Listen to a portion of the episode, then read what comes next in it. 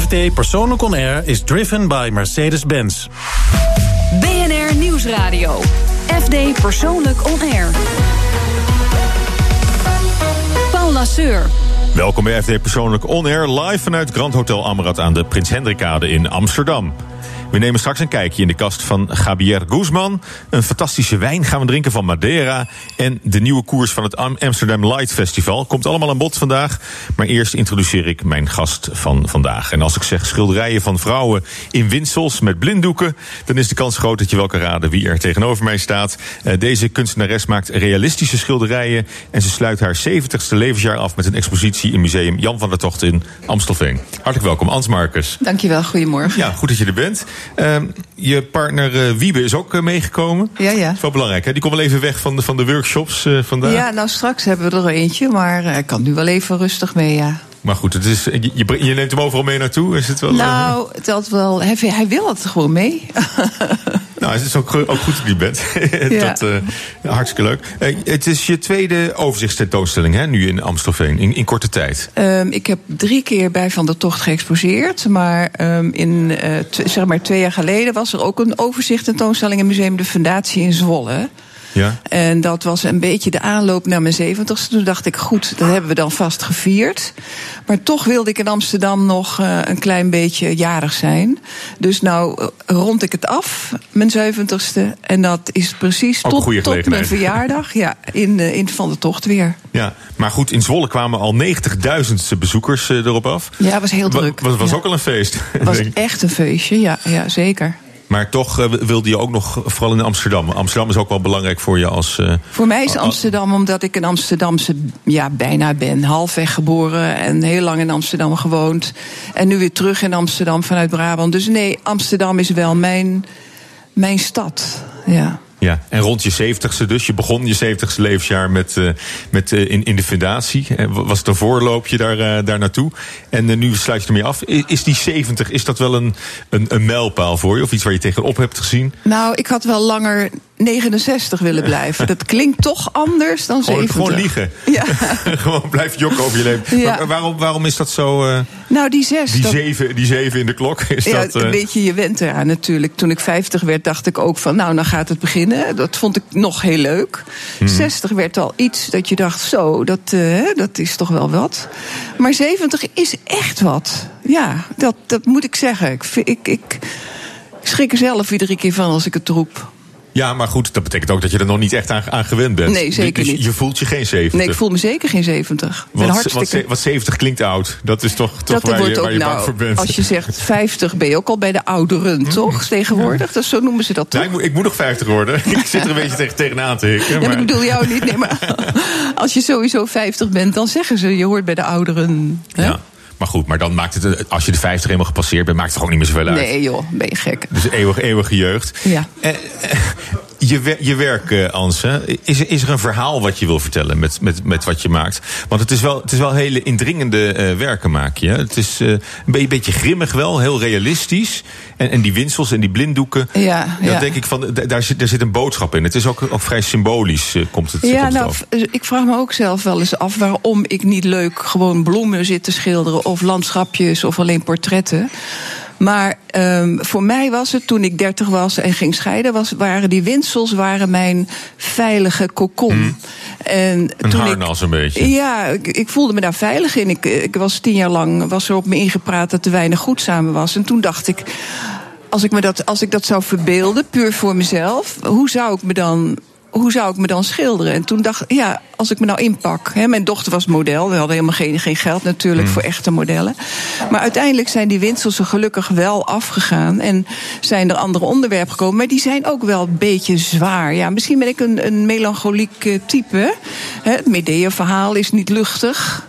Dat gaat over moord, over zij mm. vermoordt haar kinderen. En de, de, de godshuizen, oud-psychiatrische mm. inrichting. En het verborgen verdriet. Hè. Ik heb vijf jaar lang lesgegeven aan daklozen. En uiteindelijk uh, is daar een hele serie verborgen verdriet uitgekomen. Het zijn geen schilderijen waarvan ik op voorhand denk van... nou, dit ligt, dit ligt mooi uh, voor heel veel mensen. Het is wel een herkenning voor heel veel mensen, ja. heb ik het gevoel. Ja. Het, het onderwerp. Maar ja, alle, het is, het is nee, wat zwaar alle. op de hand. Ik denk dat heel veel mensen ook wel, uh, wel dingen meemaken in het leven natuurlijk. Zeker. Die, die misschien troost vinden in jouw werk? Zeker, ik denk dat dat het wel is. Kijk, we zijn allemaal kwetsbaar. Morgen kan er iets gebeuren en dan, uh, dan kan je leven zomaar anders eruit zien. En dit, is wel, uh, dit zijn wel dingen die menselijk zijn. Ik bedoel, een scheiding is, is normaal. Uh, maar je kunt ook van de een op de andere dag, en die mensen heb ik ontmoet bij, de, Hmm. bij het leger des Heils. Je kunt ook van de een op de andere dag kun je zomaar, het, kan het levensstraatje zomaar anders ja. lopen. Hè? Ja. Nou, je, hebt, je hebt zelf ook een verdrietige periode in je leven afgesloten. Je, je moeder en, en, je broer zijn overleden. Ja. Is zo'n expositie, is dat dan ook een, een manier om, om zo'n periode af, af, te ronden voor jezelf? Het is niet alleen dat je 70 bent, bent geworden. Ja, nou het is wel zo. Um, ik heb dus een aantal schilderijen rondom mijn moeder gemaakt. Ook aan de andere kant heb ik een serie vrolijker doeken gemaakt. Hè, hommages aan couturiers. Om dat ge gevoel wat ik s'morgens had als ik naar mijn moeder was geweest in het bejaardenhuis. Om dat zware gevoel maar kwijt te raken, ging ik dan uh, couturiers uh, ontwerpen schilderen. Dus um, uiteindelijk is het. Uh, is het schilderen van bijvoorbeeld de handen van mijn moeder of de beelden die ik maakte, die bronzen. Het is allemaal een soort verwerking. Bij mij althans hoor. Het is, het is allemaal oprecht gemaakt. En ja, je moet de passie hebben, want anders kun je niet drie jaar aan een, een, soort serie van schilderijen werken. Dus deep down zit er iets waardoor ik vanaf mijn elfde al tekenen, schilderen, tekenen, schilderen, bronzen, porselein. Het is wel. Het is wel het mooiste wat er bestaat om te doen. Ja, en, ja. Nou, en een mooi overzicht daarvan, van wat je hebt gemaakt in al die jaren, is dus te zien in, in het Jan van der Tocht Museum in Amstelveen. Um, we nemen je even weg uit Amsterdam, uit Amstelveen, want we gaan in gedachten op reis. Weg van het alledaagse. We vroegen je om een ideaal weekend samen te stellen. Zonder grenzen aan afstand, tijd of geld. Dat levert een droomweekend op. En in jouw geval klinkt dat een beetje anders dan de andere weken. Amazing, so incredible. I'm so excited. It's such a beautiful exposition. C'est une, une, exposition de dingue. C'est féerique. I saw this beautiful purple jacket, and I remember exactly the moment that I wore this couture.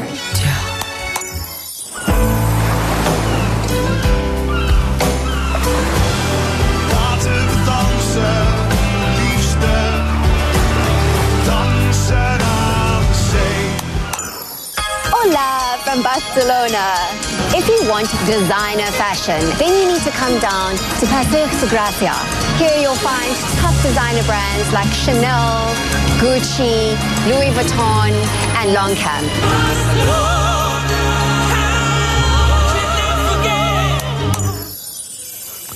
Ja, de trouwe luisteraars van deze rubriek zal het zijn opgevallen wellicht. Maar er zaten geen vliegtuigen in. Nee, dankzij... maar een handklap in plaats van een... Uh, we hebben meestal zo'n jet die je dan van het ene ja. naar de andere bestemming brengt. Maar ja. je hebt vliegangst, hè? Ja, enorm, ja. Ja, dus laat mij. Maar zit je wel eens in een vliegtuig? Nou, ik heb vroeger best wel veel gereisd. Hè. We zijn ja. Zuid-Afrika, New York een paar keer, want had ik een tentoonstelling. En, en hoe deed dat dan? En mijn kind woonde in Cairo, daar moest ik er ook naartoe.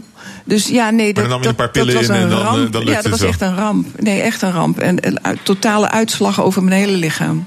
Echt, echt, uh, echt primaire angst. Visuele, ja. ja, ja. Wat, wat, wat, wat, wat dramatisch. Nou ja, het is. Is het, daar begeleiding voor aan boord?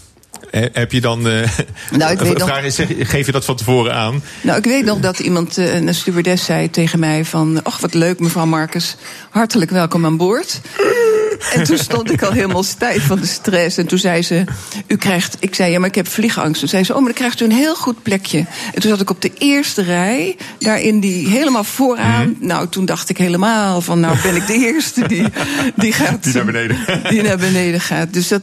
Dit dat lost, het, niet. lost het niet op. Een oplossing is gewoon met het fietsje door Amsterdam en lekker in de buurt blijven. Oké, okay, dus je, je probeert het uh, zoveel mogelijk uh, te voorkomen. Ja, en Amsterdam heeft alles. Ik bedoel, en de, en de zee hebben we toch vlakbij. Ja. Nou ja, en de locaties die je had uitgezocht op je droomweekend waren ook allemaal binnen trein- en uh, auto, auto-afstand, volgens mij. Ja, Parijs. Barcelona, Parijs. Ja. Ook weer couture hè, in, in, in, in Parijs. Dior, dat ja, is dan... Dior, dat schijnt fantastisch te zijn. Ja, ja dus dat is waar je dan, dan naartoe gaat. Ja. We gaan het uh, blokje afsluiten met een concrete weekendtip. We hebben zo weinig tijd en zoveel te doen. En daarom eh, vragen we elke week aan eh, iemand uit de culturele sector waar we naartoe moeten. En deze week legden we de vraag voor aan de organisator van de beurs Juweel. En ehm, Johan Rissik van die beurs die gaat vertellen wat we vooral moeten gaan zien. Het Juweel is een beurs die we al langer organiseren op andere plekken in Nederland. Maar nu ook naar Rotterdam komt, waar de drie vormen van, van juwelen uh, bij elkaar zijn. Dus je hebt antieke juwelen, je hebt vintage juwelen, je hebt hedendaagse juwelen en je hebt uh, ont, ontwerpjuwelen. Dus het, is een mix van uh, edelsmeden, antiquairs en wat heel leuk is, dit jaar hebben we de Dutch Watch Professionals bij. Dat zijn de horlogemakers, Nederlandse horlogemakers, kleine horlogemakers die zelf horloges ontwerpen uh, en, en maken. Nou, daar hebben we een vijftal van de Dutch Watch Professionals die er ook bij zijn. Wat heel bijzonder is, dat zijn de horloges van Holt Hinrichs uh, Watches. Dat is een, uh, een jongen uit Delft. En dat is werelds eerste 3D geprinte en gepersonaliseerde horloge. Dat heeft de jongen zelf helemaal ontworpen. Is een jonge Delftse student die nu zijn eigen horlogemerk ontwikkeld heeft. En het ziet er nog prachtig uit ook. Daarnaast hebben wij ook belangrijke edelsmeden uit Nederland en België en zelfs Duitsland. Een belangrijke om te noemen is, vind ik altijd, Mark Lange, sieraden uit Alkmaar. Dat is een jongen die meer dan één keer de Nederlandse ontwerpwedstrijd voor uh, edelsmeden gewonnen heeft. En die heeft altijd een paar hele bijzondere uh, stukken heeft hij bij zich. Het Juweel is van 1 tot en met 3 december in het Wereldmuseum in Rotterdam. Uh, Ans Marcus, ik weet dat je de modeliefhebber bent. Hè? We hadden het al over, over Dior net, die je zou, gaan, uh, wel zou willen bezoeken in Parijs. Uh, wat daar nu gaande is. ben je ook een juwelenliefhebber, juwelenverzamelaar? Je, je bent niet helemaal behangen met, met juwelen, dat kan nee, ik al, al nee, vaststellen. Nee. Dus, nee, dat niet, maar ik heb wel een doosje thuis. Dus er zit een en ander in. Ja, ik, ik kan helemaal verliefd worden op een mooi ontwerp. Ja? ja. En, en wat, wat vind je dan mooi? Nou, meestal wat groter. En wat, wat, wat uh, Paloma Picasso bijvoorbeeld, die maakte ook hele mooie juwelen. Een beetje grote. Maar, maar die bezit jij niet, dingen. toch? Of wel? Nee, nee, nee. Nou, een lookalike heb ik ervan. Picasso, ik wist niet dat het Picasso Paloma, ja, ja, ja, ja. Oh, oh, de, dochter, dochter van. Ja, de dochter, ja, ja. De dochter van. Ja, voor, voor mij voor, uh, voor Tiffany, of niet? Heeft hij uh, heeft die juwelenlijn gemaakt? Dat zou als, kunnen. Als ik het zo snel even. maar goed, dus. En, en, en waar, waar, waar, zoek je dan naar als je, als je in het doosje kijkt? Wat, wat pak je daarvan? Ga je echt wel eens zitten en dan je juwelendoosje? Nou, en, en, dat je het door je handen laat lopen? Kijk, ik ben niet echt uh, van, van de grote juwelen. Maar soms heb je een gelegenheid en denk je... nou, het zou wel erg leuk zijn om er iets bijzonders mee te doen. En dan hebben we wel wat. En dan, en dan hang je het ook wel. Uh, en dan hang, doen we wat. Hang je het ja. ook wel om. Zometeen praat ik verder met kunstenares Ans Marcus en onze wijnkenner Kuno van het Hof. Die schrijft aan. Tot zo. BNR Nieuwsradio. FD Persoonlijk On Air. Vandaag is kunstenares Ans Marcus mijn gast. En we kennen vooral haar realistische werk van uh, vrouwen in winsels en met blinddoeken. Een beetje Willink-achtig uh, wordt, wordt wel gezegd, hè? Die, die realistische uitstraling. Is dat iets wat je, wat, je, wat je blijft doen en wat je ook een beetje achtervolgt misschien? Nou, het is wel zo dat heel veel mensen zijn blijven steken bij de winsels. Maar toen was ik 30. En na die tijd heb ik zoveel andere dingen gemaakt. Maar je merkt dat mensen die winsels, ja, oh, dat is die vrouw met die lappen, of dat is die vrouw met die doeken. En, uh, dus dat is wel blijven hangen. Maar het, het, nee, ik, ik, heb nergens last Vind je van. het jammer? Nou, nee, dat niet hoor. Nee, dat niet. Want er zijn heel veel mensen. Kijk, toen ik dat schilderde, voelde ik me op een bepaalde manier. Voelde ik mezelf, hè? Dus, dus onzeker en, en, en ja, zonder eigenwaarde. En um, er zijn nu heel veel jonge vrouwen, mannen misschien ook, maar vooral jonge vrouwen, die die periode die ik toen had, nu meemaken. Hè? Een scheiding en Mm. onzeker, je verstoppen en veiligheid zoeken terwijl je eh, net eh, alleen bent. Maar goed, in ieder geval, dat is wel wat ik ook merk: dat er heel veel herkenning is van Ja. de winsels. Maar goed, als kunstenaar denk ik, sta je ook in, in het nu en wil je graag nieuw werk maken. Je zal jezelf ook willen vernieuwen, neem ik aan. Zeker, zeker. En, en dan, dan is dat misschien ook wel een beetje een, een last. Nee hoor. Nee, alles wat, er, wat ik gemaakt heb is, um, is. Je, ja, staat, er, je staat er compleet achter. erachter. Ja, dat is het. Ja. Dus je, daar is niks om spijt van te hebben. het is ook Zeker waarmee niet. je je naam gemaakt hebt natuurlijk. Ja, absoluut. Eh, toen je 30 was. Ja. Eh, ik wil je even voorstellen aan Cuno van het Hof, want die is inmiddels ook eh, aangeschoven. Heel Elke week, elke week vertelt een panelid wat het oog streelt, het hart raakt, hart raakt of de smaakpapillen prikkelt. En deze week eh, wijnexpert Cuno van het Hof. En Cuno, je hebt een versterkte wijn uit Portugal meegenomen en het is geen port. Dat eh, klopt, ja. Dat is geen port eh, dit keer. Ik, ik, ik wilde iets, iets anders een keer eh, gaan doen. We doen eigenlijk altijd doen we rood, wit, eh, rosé of, of iets, iets, iets prikkelends, als in een mousserende wijn. En vandaag heb ik een, een versterkte wijn meegenomen. Uit Madeira. Wordt die kunstmatig versterkt? Of, eh, wordt er... Ik weet niet wat jij kunstmatig noemt. Nou, dat maar... weet ik niet. Ja, no- normaal eh, gist het gewoon op het vat en dan. eh, Exact. Dat en gebeurt hier ook. nu ook. Ja. Maar niet gedestilleerd of zo. Nee, nee, nee, nee, absoluut niet. Wat er gebeurt is, eh, ehm, er wordt een, een witte wijn gemaakt, van de Tinta Negra in dit geval. Ja, Madeira hebben we het nu over. Madeira, ja. Dat, eh, dat kleine eilandje zeg maar, tussen Portugal en, en Noord-Afrika, als je het heel Ja. erg kort door de bocht eh, wil zeggen. Atlantisch eilandje. Atlantisch eilandje. Eh, er, wordt, er wordt gewoon een witte wijn gemaakt. En eh, na de vergisting wordt daar alcohol aan toegevoegd. Dus waar we zeg maar eindigen bij normale wijn op, op 13, 14 procent... wordt het hier aange- aangevuld met eh, nog eens wat, wat, wat 7, 8 procent extra. Ja, dus op, hij, eh, is- hij is een 20%. stuk sterker dan port. Hij is ja, veel sterker, ja. Eh, Ja. Port eh, zit zo rond de 16, 17. Dit is eh 20 procent. Zo. En, eh, en Madeira, dat is een, eh, een beschermde naam ook. Net als champagne, Madeira. Ja, ja, Madeira komt van Madeira en nergens anders vandaan. En nergens anders vandaan. Zoals champagne uit de champagne komt en niet uit Zuid-Afrika of iets dergelijks. En, eh, en waar, waar lijkt het nog het meest op? Of moet je niet proberen? Eh, nou, dat moet je niet, moet je is niet een beetje proberen toch? Ja, het, het, het, als je het eventueel eh, iets zou kunnen noemen... dan zou het richting een, een halfzoete sherry gaan. Half zoet. Ja. Dus hij is wat droger nog. eh. Ja, ja, ik vind het... eh, nou, nee, ik, Of juist wat zoeter. Wat, eh, Hij is ietsje zoeter dan een, eh, dan, een, eh, dan een sherry. In dit geval, je hebt, je hebt een aantal vormen. Heb je. je hebt hele droge Madeira, je hebt halfzoete Madeira. Dit is een halfzoete Madeira. En je hebt hele zoete Madeira. Eh, dit is een zoete Madeira, die met name, zeg maar, een halfzoete Madeira... die met name bij, eh, bijvoorbeeld bij kaas wordt eh eh, gedronken. Ja, maar nou had ik gehoopt dat je een kaasje had meegebracht. Ja, dat had ik wel willen doen, maar... Dat, Maar dan, dan moet je een stevige kaas bij. eh, ja, bij moet je iets van Stilton of zo bij doen. Een blauwe kaas. Ik neem even een klein, klein slokje. Ja, ik, is er nog een bepaalde nog, eh, rituelen? Of eh, moet ik iets bij zeggen? Of, mond eh, open, glas aan de mond. En, eh,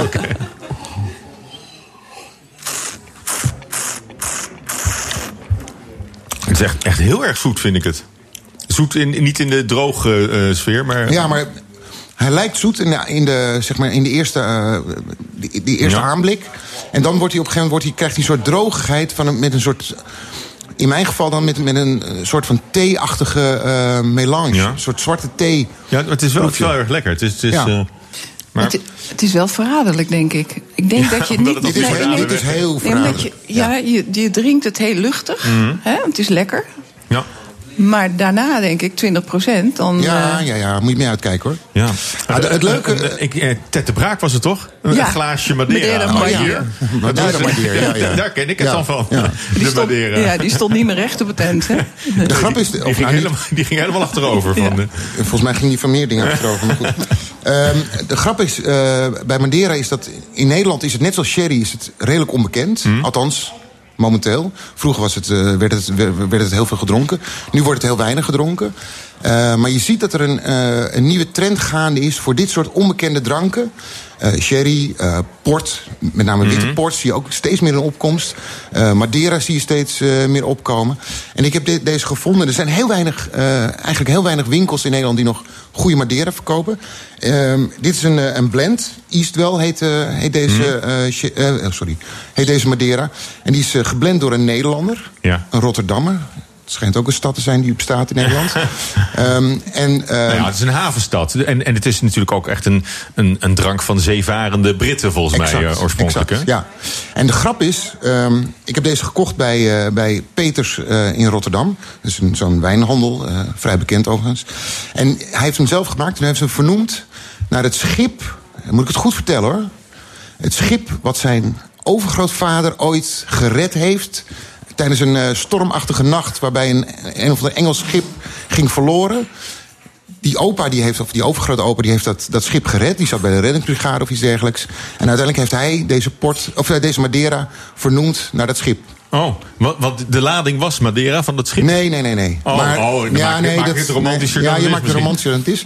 maar het is wel zo dat ehm, vroeger de meeste Madeira's werden vernoemd naar schepen waarop ze vervoerd werden. Mhm. Vandaar. Ja, maar goed, net als de port en de sherry misschien ook wel. Nee, de sherry geloof ik niet, maar, maar de, de port is eigenlijk een, een Britse industrie in, in Portugal. Exact, hè? ja, exact. En, maar dat geldt voor Madeira Dat ook. geldt voor Madeira ook, ja. Dus het is echt zo'n Brits... eh, Brits eh, het is, een beetje, is het niet een beetje een oude lullendrankje? Nou ja, proef het. Vind jij dat nou een lullendrankje? Nou ja, qua, qua cultuur. Is, het- Qua is- cultuur, is, is, maar ja, is dat- het wel iets wat jonge mensen ook ontdekken? Dat, dat zie je dus, wat ik net zei, dat zie je dus eh, steeds meer gebeuren. Eh, maar belangrijk is dat dit op de kaart gaat komen. Op de kaart van restaurants, hotels waar we nu staan. Het moet gewoon weer zichtbaar worden. Ja, en het is niet voor in de keuken dat je het ook zeg maar, door het eten roert. Nou ja, dat is dus het nadeel. Zo- Zoals de kiers bij de, bij de kaasfondue. Precies, dat is dus het Voor nadeel. sauzen bij de, bij de eend, hè? De, de grote eh, slijterijketens die verkopen het in van die kleine flesjes. Omdat je het door de een of andere gerecht Voor moet, eh, voor het kruidenrekje. Ja, precies. Ja, nou, dit is een smal flesje. Een beetje zoals eh, dessertwijn. hè? Een beetje zo'n zo'n kleiner Ja. flesje. Daar zit het Ik vind in. dessertwijn vind ik altijd. De, de term dessertwijn vind ik een. is niet mijn term, zeg maar. Want dat houdt dus in dat je het alleen bij desserts kan drinken. Dit kan je ook perfect als eh, aperitief drinken. Ja, maar goed, ook vooral weer bij de kazen. En dat, is, dan, dat is dan na het eten ook alweer lekker. Altijd lekker. Dankjewel. Kuno van Tof. Toon mij uw kast en ik zeg wie u bent. Met dat doel belde Hugo Krant aan bij cabaretier Javier Guzman. Javier Guzman is een eigen habitat. Ja. Ik nam graag een kijkje in jouw kast.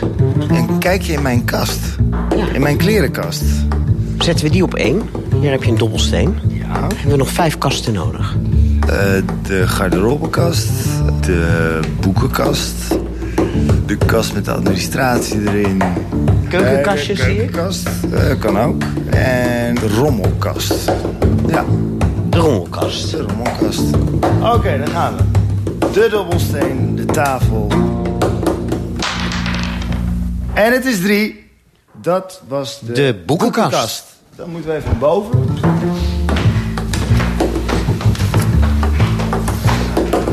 Dit is de boeken, CQ, de DVD-kast. Wat zie ik hier? Dit is de Tanach. De Bijbel. Ja, die heb ik gekregen eh, van de buren. Waarom geven jouw buren jou een Bijbel? Omdat ze weten dat ik een affiniteit heb met, eh, met het jodendom. En, eh, ik wou het wel eens lezen. En waar ben je? Precies te zijn pagina 1. Je hebt hem net gekregen of eh, Nee. je ziet er tegenop? Nee, ik zie er niet tegenop. Ik heb er gewoon nog geen tijd voor gehad. En je wilde de Bijbel lezen omdat je affiniteit hebt met het Jodendom. Ik lees het ook omdat er zoveel conflict om is. En dan denk ik, als daar dus dan blijkbaar een conflict in staat... dan moet er ook de oplossing in staan. Denk je dan aan het Palestijns-Israëlische conflict, eh, aan antisemitisme? Al die dingen. Aan, aan dus de drie grote geloven die maar niet vreedzaam kunnen samenleven. Wat fascineert je zo in het Jodendom? Humor, de samenhorigheid, de geschiedenis. En mijn steeds terugkerende vraag, die, wat ik me al afvroeg als kind. Waarom worden die mensen zo gehaat? Wat is dat toch? Ik was een atypisch kind. Ik maakte in groep 8 al een werkstuk over Israël en de Palestijnen. eh, van 80 pagina's. Terwijl de meeste kinderen het over de cavia hadden en eh, het konijn. En ik bleef vragen, ja, maar wat is dat dan? Het is iets wat ik tot op de dag van vandaag niet begrijp en nooit zal accepteren. Maar waarom was je zo jong al gefascineerd door het Jodendom? Het is eh, ontstaan door een kettingje wat mijn moeder altijd droeg... wat ze van mijn oma had gekregen. En eh, dat was een, een, een, een rond plaatje. En als je dat dan ronddraaide, dan maakte die letters ineens... werd dat filigluc. En ik was altijd gefascineerd door dat kettingje. En ik heb haar een keer gevraagd van, wat is dat voor kettingje? En toen zei mijn moeder op een beetje mysterieuze manier... dat heeft oma van een oude Joodse mevrouw gekregen. En toen viel voor het eerst bij mij het woord Joods... En, en... Heb je nooit meer losgelaten? Nee. Mijn beste vriendin is eh, Joods. En toen hadden we het eh, over mijn familie hier in Nederland. En toen zei zij ineens... maar hoe heet je oma eigenlijk van de achternaam? Toen zei ik de Wolf. Ze zei, oh, maar dat is een heel veel voorkomende Joodse naam. Dus ik nou ja, goed, ik, ik doe daar dan onderzoek naar, gestaag. Wat hoop je dan te ontdekken? Dat je Joods bent? Is dat een wens? Ik, nee, ik heb niet een, een uitkomst wat ik wil hebben. Ik wil gewoon weten waar ik vandaan kom. Het zou wel een hoop verklaren voor me. Als het zo zou blijken te zijn. Wat zou het verklaren? Nou ja, waar, waar dat gevoel vandaan komt. Fascinatie. Ja, of die, die affiniteit. Dat, dat je ergens thuis voelen. Wat ik in Israël ook had. Op een verklaarbare wijze. Dat was ik nog nooit geweest. Maar het was alsof ik thuis kwam. Ik was er nog nooit geweest. Ja, het is iets... Waar ik zelf ook nog niet helemaal eh, uit ben. Ja. Dat je misschien in de Bijbel hoopt te vinden. Wellicht, ja. ja. Ik wens je heel veel leesplezier. Dank je wel. Was de kast van Javier Guzman. Dit weekend staat hij in het De Lamar Theater in Amsterdam met zijn voorstelling Javier. Dat u het weet, zo heet hij dus, Javier Guzman. En zo meteen praat ik verder met kunstenares Ans Marcus. Te gast is ook de nieuwe directeur van Amsterdam Light Festival, Lennart Boy. Tot zo. BNR Nieuwsradio. FD Persoonlijk On Air. Paul Lasseur. Vandaag is kunstenares Ans Marcus het hele uur mijn gast. En daarbij is nu ook aangeschoven Lennart Boy. Hij is de nieuwe directeur van Amsterdam Light Festival. Welkom Lennart. Goedemorgen. Hallo. En uh, de nieuwe editie, je bent ook een kerstverse directeur. Ja, ik ben artistiek directeur. We hebben ook een zakelijk directeur, Frederik de Brugge... die ongelooflijk veel organisatie en, uh, en slagkracht teweeg brengt. Maar ik mag de samenstelling uh, doen van alle kunstwerken... die we dit jaar te zien krijgen op de Herengracht, de Amstel... maar ook op het voormalig marineterrein. En heb je je artistiek stempel ook al kunnen drukken op deze editie? Nou, ik hoop dat dat een beetje te zien is. We hebben draagt een, het jouw handtekening en, en hoe ziet die eruit? Nou, handtekening vind ik overdreven, want het zijn de kunstenaars zelf die het doen... die met een idee komen, maar ze hebben wel allemaal gekeken naar het thema existential, de existentiële kracht van licht, de afhankelijkheid van licht, want anders zouden we niet bestaan, zouden we niet leven. En dat teruggebracht in kunstwerken geeft hopelijk ook een beetje een coherent verhaal als je straks met een fiets of een boot de route gaat uh, bevaren of, uh, of befietsen. Ja, je, je stapte over van. Uh functie als conservator van het Stedelijk... naar directeur van Amsterdam Light Festival. En je bent een jaar volgens mij bij het, bij het Stedelijk uh, geweest. Ja, ik heb een mooie expositie mogen maken, Dream Out Loud... Mm. over uh, tegenwoordig hedendaags Dutch design, om het maar mm. zo te zeggen. helaas was er weinig perspectief in die dagen. Misschien dat het inmiddels weer een beetje anders is... maar op een gegeven moment besloot ik toch het roer weer om te gooien. En ik ben er eigenlijk wel blij mee, want ik doe een heleboel verschillende dingen... waaronder het Light Festival. Ja, maar wat doe je nog meer? Nou, ik ben lid van de Raad voor Cultuur, het adviesorgaan van de regering op het gebied van kunst en cultuur. Ik ben zelf weer als kunsthandelaar actief. Ik sta ook weer op de pan het laatste weekend, dames en heren. um, en zo uh, ben ik lekker van de straat. Ja, maar goed, ook, ook dus tijd en ruimte en zin uh, voor en in uh, Amsterdam Light Festival. Ja, het is zo maar, natuurlijk waarom, zo waarom heb, je dat, waarom heb je dat aangenomen? Nou, eigenlijk omdat ik het een bijzonder uh, mooi moment in het jaar van Amsterdam vind. Het is een feeriek moment. We zijn natuurlijk in onze diepe donkerste dagen in december en januari. Maar dan het verlichten van hart en geest van Amsterdammers en alle bezoekers... in combinatie met die setting van die 17e-eeuwse grachtengordel... dat is gewoon uniek. En we zien ook dat daar ontzettend veel kunstenaars op afkomen... die daar graag iets mee willen doen. Die de verbinding met die stad proberen te maken. Waar ik toch wel het meest trots op ben, is het feit dat we Ai Weiwei... de beroemde Chinese kunstenaar, ja. bereid hebben gevonden... om een groot lichtkunstwerk te maken. Hij werkt, werkt, hij, werkt hij al met licht of niet? Of, nou, of niet, is hij dat speciaal voor jullie Nee, gaan hij doen? is dat echt speciaal voor ons gaan doen. Hij had het, uh, het thema migratie. Hij is erg bezig ja. met het zijn van migrant, wat hij zelf natuurlijk mm -hmm. ook is. Het feit dat je grenzen moet oversteken... dat je nieuwe zeden en gewoontes moet aannemen. Daar is hij heel erg mee bezig. En hij heeft een lichtlijn om de oude stad getrokken... ononderbroken, 6,5 kilometer lang... van een rode laser die door een vezelglasdraad geschoten wordt. En die ononderbroken lijn symboliseert het idee van een grens. En voor hem betekent dat, wie bepaalt die grens nou eigenlijk? Wie mag daar binnen? Wie mag daar buiten? Waarom zijn we er zo door geobsedeerd? Ja. En is het niet ook een valse veiligheid om het idee te hebben... dat je achter een grens veiliger bent dan daarbuiten? En die rode lichtlijn die heeft dus het, het silhouet van, van de Amsterdamse binnenstad? Nou, die volgt echt het spoor van de Herengracht, Amstel en uh, het Oosterdok. Dus die omcirkelt het hele oude deel van Amsterdam. Oké, okay. en deze editie is de vijfde? Het is inmiddels de zesde editie. De zesde alweer? Ja, het is ooit begonnen vanuit de gedachte dat er in de donkere winter toch ook iets voor toeristen te beleven moet zijn. Maar het is uitgegroeid tot een volwaardig kunstfestival. Met een heleboel kunstenaars van naam en faam die echt speciaal voor het festival iets ontwerpen. Dus het is nieuw, we moeten het hier maken en bouwen. En dat is ook de uitdaging, want ook het onderhoud is best ingewikkeld. Het is natuurlijk weer en wind, het is koud, het staat 56 dagen buiten. Het is best dus een uitdaging om met een groot technisch team... er werken in totaal meer dan 50 mensen aan om dat allemaal voor elkaar te krijgen. Ja, maar het heeft ook zijn plek wel verdiend inmiddels. Dus uh, ja, ik hoop het. Je, je, hebt ook een prettige erfenis om mee, mee te werken. Nou, er lag natuurlijk een fantastische basis die ja. de afgelopen jaren is opgebouwd. Uh, het is nogmaals allemaal teamwork. Ik doe dat niet alleen, wij doen het niet alleen. Het is echt een samenwerking tussen kunstenaars, technici en alle vrijwilligers en mensen van de organisatie. Uh, maar ik denk wel dat we ook weer dit jaar hebben geprobeerd om nog meer zichtbaar te maken wat licht nou eigenlijk met ons doet. Op het marineterrein hebben we eigenlijk een soort open lichtmuseum gemaakt waar je doorheen kunt dwalen. Verschillende installaties waar je mm. licht kan voelen en ervaren. En waarbij we ook zien wat licht eigenlijk doet met hoe we naar elkaar kijken. En nu zijn we verlicht door het mm. daglicht, maar ook een beetje lampjes. Als we hier een hele andere lampverlichting in de studio zouden zetten, dan zien we er ook weer anders uit. Dus ook de werkelijkheid zoals we die ervaren, mm. wordt altijd bepaald door het licht. Ja. Ans, heb jij hem al gevaren, die, die route? Of, Nog niet of, gevaren, of... maar ik ga meestal lopend. Oh, okay. Of met de fiets, maar het is een feest. Je, je, gaat, je gaat elk jaar wel... Ik ga ieder jaar kijken. Uh, doe je ja. wel een keer. Maar, ja. maar varen, ben je ook bang voor verboden nee, of niet? Nee, nee, nee, nee dat, zou, dat zou ook kunnen. Nee, dat zou ook dat, kunnen. Dat zou je nog verder beperken. Maar, ja. uh, uh, maar je gaat dus nu ook wel ik weer... Ik ga absoluut kijken, ja. Oké, okay. en... En, en wat ik me dan afvraag, hè, IWW, zei, zei je net al, de, ja. die, die is, uh, is gestrikt voor Amsterdam. Wat, wat kost dat dan? Om, Nou ja. om van hem dat werk binnen te halen? Om te beginnen is het een ongelooflijk aardige en goede kunstenaar... die helemaal niet met geld bezig is. Maar hij wil natuurlijk wel iets Ja, maar ik bijzonders wel. maken.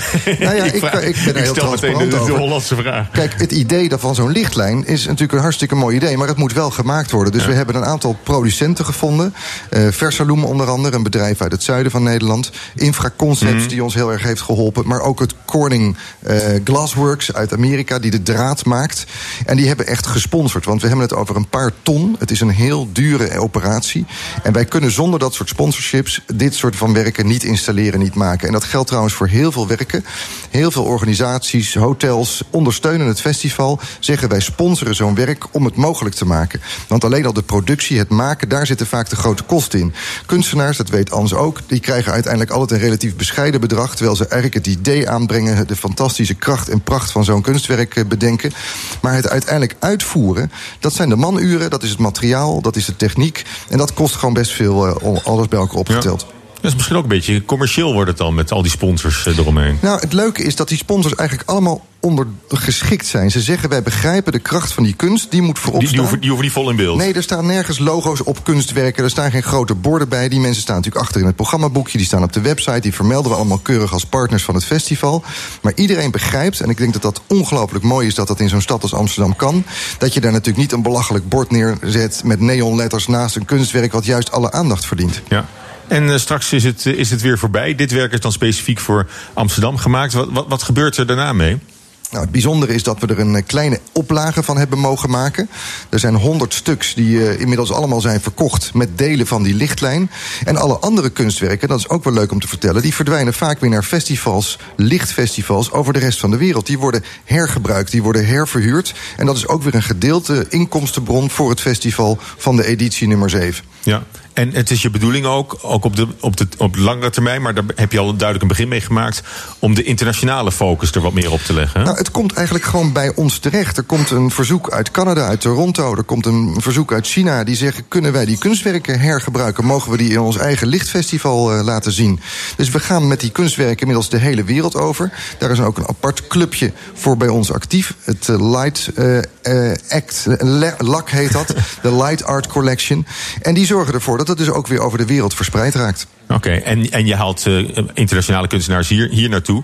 Eh, misschien is het voor Nederlandse kunstenaars dat die dan een beetje verdrongen worden. Al moet ik zeggen, we, hebben, we hebben wel Daan Rozengaard op de afsluitdijk nu. Nou, hè? Maar, maar, maar die hoort niet bij jou. eh, Nou, ik zou Daan Dolgraag willen uitnodigen. Misschien dat hij luistert om volgend jaar mee te doen.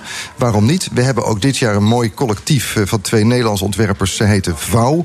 Er zijn talloze andere, echt grote mensen van naam en faam. Peter Fink, Lidie Six, heel veel Nederlandse kunstenaars die werk hebben gemaakt speciaal voor het festival. Maar ja, we zijn er ook trots op dat er iemand uit eh, China is, of iemand uit voormalig Joegoslavië, of iemand uit eh, andere landen van de Europese Unie. dus, en, dat, eh, en dat wordt alleen maar meer als het aan jou ligt. Wat mij betreft moet het een internationaal festival zijn, want we zijn een internationale stad. We zijn een stad die open staat voor nieuwe ideeën en zeker voor kunstenaars. Nou, heel veel succes daarmee de komende tijd. Dankjewel, Lennart Boy van Amsterdam Light Festival. En dat is van 30 november tot en met 21 januari. Weet u het helemaal. Ans Marcus, vandaag het hele uur mijn gast. Eh, we hebben je vooraf gevraagd om een nummer te kiezen. We draaien altijd muziek. Eh, we zijn wat eigenwijs geweest. Eh, we hebben namelijk een andere artiest gekozen dan je noemde. Hopelijk vind je het wel mooi. We kozen voor Maria Callas. Oh, prima. Ben je daar ook tevreden over? Zeker. Want wat be- betekent zij nog, nog Nou, iets ik- voor je? Of, of muziek in het algemeen? Als kunstenaar word je ergens door geïnspireerd. Ik weet nog dat ik eh, onderweg een keer dacht koffie drinken... en dat, dat ik een krant opensloeg aan de leestafel, Trouwe Volkskrant... en ik zag Maria Callas, die speelde Medea in de, in de film van Pasolini. Ik heb dat verhaal gelezen, ging over Medea. Anderhalve pagina en ik was helemaal om. Ik dacht, dit moet ik schilderen. Vervolgens ben ik drie tot vier jaar bezig... om dat gevoel van dat hele Medea-verhaal te, te, te schilderen. En, ehm, en, en dan gebeurde het wel eens dat ik, eh, met, eh, dat ik Maria Callas opzette. Ja. En hoor je die dan ook automatisch al in je hoofd? Ook als je de muziek niet draait? Nee, dat niet. Het is, wel, het, is, het is wel het moment dat je het aanzet en flink hard aanzet. En dan eh, wil dat wel helpen om, eh, om door te gaan. ook, ja, ja, ja. Nou, we gaan er naar luisteren. Maria Callas met Omio Babino Kade.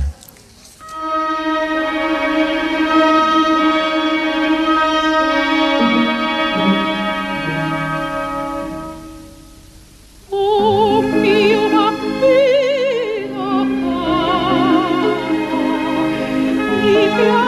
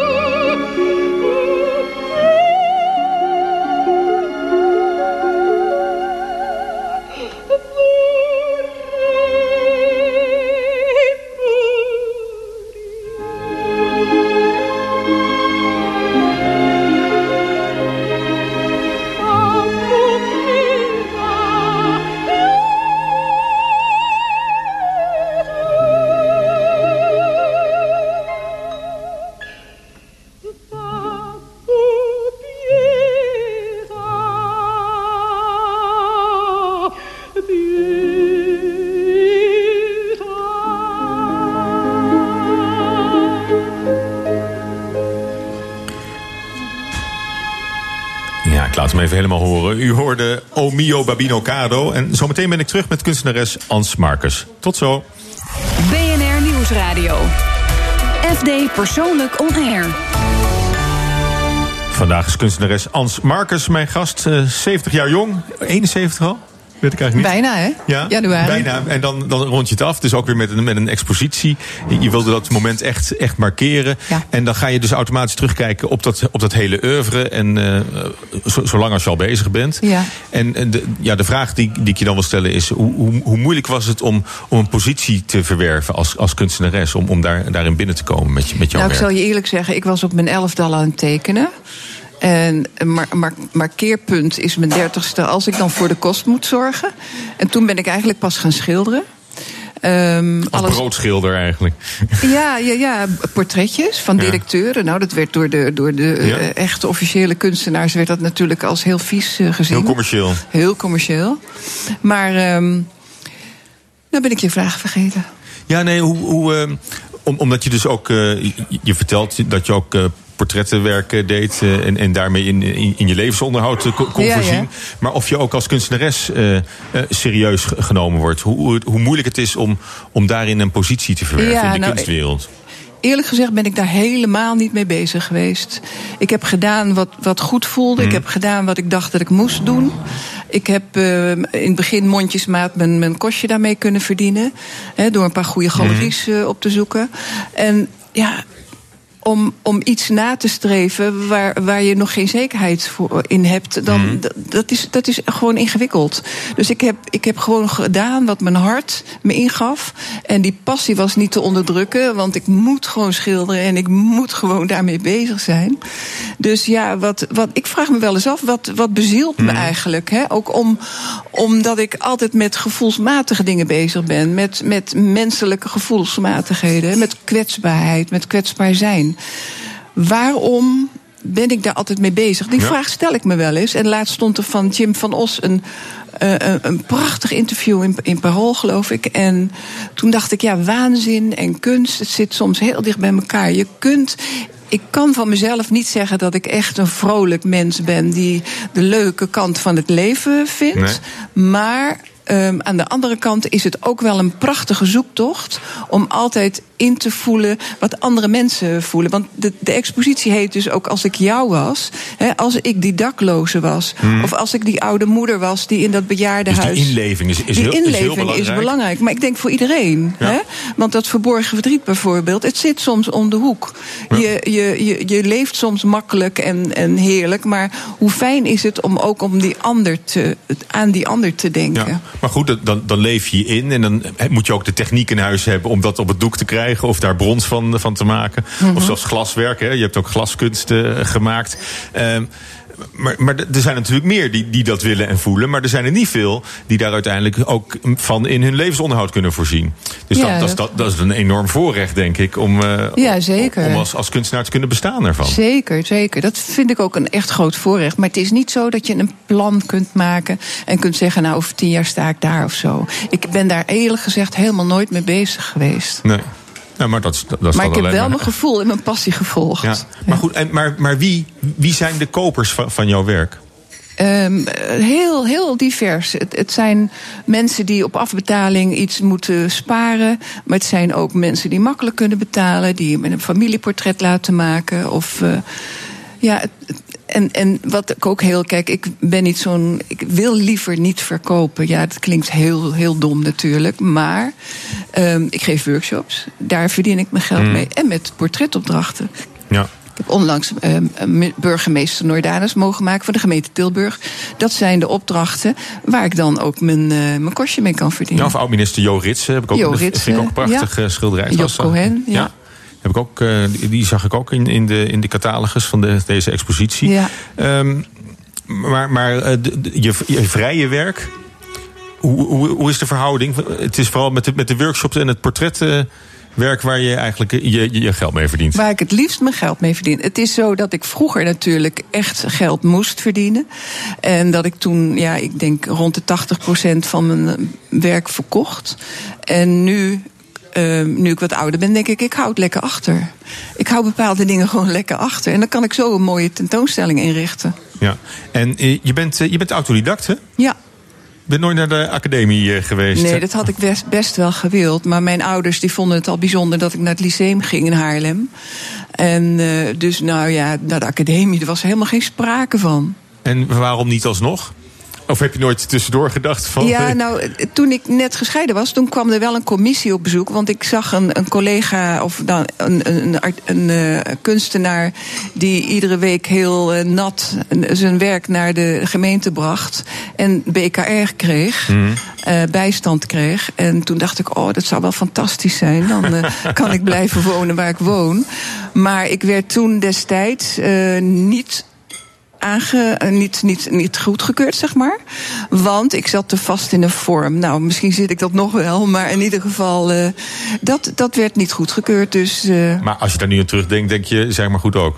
Heerlijk. dat ik daar nooit Vrij- in, vrij in gevangen, zijn. nooit in die fuik ge- Ja, gezwommen ben. En het, Maar, maar je, je wordt ook wel, wel eens een beetje smalend eh, society schilder eh, genoemd, hè? ja, nou, Dat, dat lijkt me dan geen, geen titel waar je heel blij nee, mee bent. Nee, daar word ik ook echt niet blij van. Het, eh, het, waar ik wel blij van word, is wat nu ook vaak gezegd wordt: publiekslieveling. Kijk, publieks. Nou, het ligt dicht bij elkaar misschien. Nee, nee, nee, dat denk ik niet. Nee, dat is totaal voor mij een heel ander gevoel. Ik wil geen society schilderen. En dat kwam misschien omdat ik de koningin had geschilderd. Maar ehm, ik schilder liever die. Die daklozen, die, die mensen die iets meegemaakt hebben. Ja, dat heeft de koningin natuurlijk ook. Maar echt dat, dat, dat ja, dat, dat zwarte gat opzoeken. En, Ja. en, en eh, Ja, publiekslieveling. Er, er wordt wel eens een beetje, die, die indruk krijg ik, hè, door de kunstwereld neergekeken op, op werk wat iedereen kennelijk mooi vindt of Ja, aanspreekt. ja. Vind je dat niet raar? Ja, het, eh, het realisme heeft natuurlijk altijd een tintje gekregen. Hè. Na de oorlog is het is gewoon een beetje nat done om realistisch te schilderen. Maar goed, eh, je moet gewoon lang volhouden. En dan eh, uiteindelijk hebben de mensen misschien toch, zeker de heren critici, de behoefte om eens te kijken wat er na die winsels ontstaan is. Ja, en dat kunnen ze allemaal in, eh in Amstelveen zien, zien. ja. De komende tijd eh, nog. Eh, we gaan even heel ergens anders naartoe. We gaan kijken bij een huis dat te koop staat. Vaste rubriek in dit programma. We gaan dit keer naar de Bollestreek. Een karakteristieke eens- eengezinswoning. Tussen de bollevelden aan de rand van het landgoed Keukenhof. En verslaggever Roger Dankerlui liet zich rondleiden door Diane Dros en Ruud Sandbergen.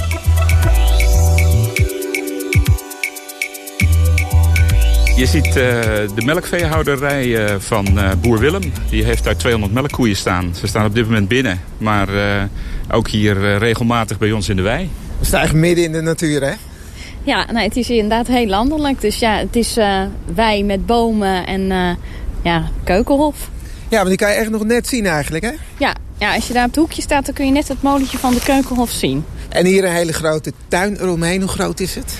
Het is eh, 700 vierkante meter ongeveer. Ehm, we hebben een, eh, een voortuin en een achtertuin. Hier is het dus helemaal vrij. Waar, eh, waardoor je hier uitkijkt over de bossen en over de, eh, het weiland met de koetjes, zeg maar. En hier links eh, de keukenhof, de bollevelden die hier eh, in maart, april, mei in, eh, in bloei staan. En dan ziet het er fantastisch uit ook, hè? En moet je nou echt groene vingers hebben om hier in dit gebied te wonen? Wij komen uit Amsterdam, dus mijn groene vingers waren ernstig beperkt. Dus we hebben ook een tuin aangelegd, wat met onkruid trekken en af en toe wat... eh, wat eh, Ja, ik zie ook heel veel tegels hier. Nou, dat Nou. valt mee, maar dat, is, dat maakt het iets makkelijker inderdaad, ja. Laten we naar binnen gaan. Nou, heel goed. Zo, hier is het eh, lekker warm. Hier is het wat warmer, inderdaad. En je komt hier binnen in een, eh, in een hal, wat vroeger een, eh, een badkamer is geweest. Er is, ja, er is sinds wij het gekocht hebben, zeg ze acht, negen jaar geleden, is er enorm veel veranderd in dit huis. Ik denk dat het 80% eh, niet meer herkenbaar is. Zo'n houten vloer. Ik zie ook een houtkachel. En die doet het ook. Ja, dat is heel erg lekker. Ja, dat is natuurlijk het voordeel van buiten wonen. Om dan eh, ja, lekker bij eh, een houtkachel eh, de warmte te kunnen pakken. En dan eh, de keuken. Ja, we zitten hier aan een grote eettafel en we, nou ja, Diane kookt graag en kookt, kookt ook goed. En eh, ja, dat is hier geweldig om dan met, eh, met vier of zes vrienden hier te zitten. Dat is gezellig. Zo, en dan helemaal naar boven. eh, want ja, de slaapkamer. Maar ik zie een dak met allemaal houten latjes. Ja, dat klopt. En eh, ja, dat was eh even noeste arbeid om al die latjes eh, mooi wit en, eh, en erin te krijgen. Vrouw houdt van klussen. Ja, nou, we hebben veel vrienden gelukkig. Dus eh, die hebben ons wel eh, heerlijk geholpen. Dat was Maar het wel heeft wel een beetje die oude stijl inderdaad van eh, eeuwen terug. Ja, we wilden dit echt wel... Ja, dat past bij het huis, die, die houten plankjes. Wat voor type mensen nou passen in dit huis? Ja, ja, wij komen uit Amsterdam en dat was heel druk. En we, nou, wij werken allebei veel en hebben het best druk. En dit is dan echt je, je rustpunt waar je thuis komt. En s ochtends als je wegloopt, dan snuif je even de natuur op. En ben je even buiten. En dan eh, door de file op de A4 gaan we naar het werk. En wat kost het? Het kost 5,75.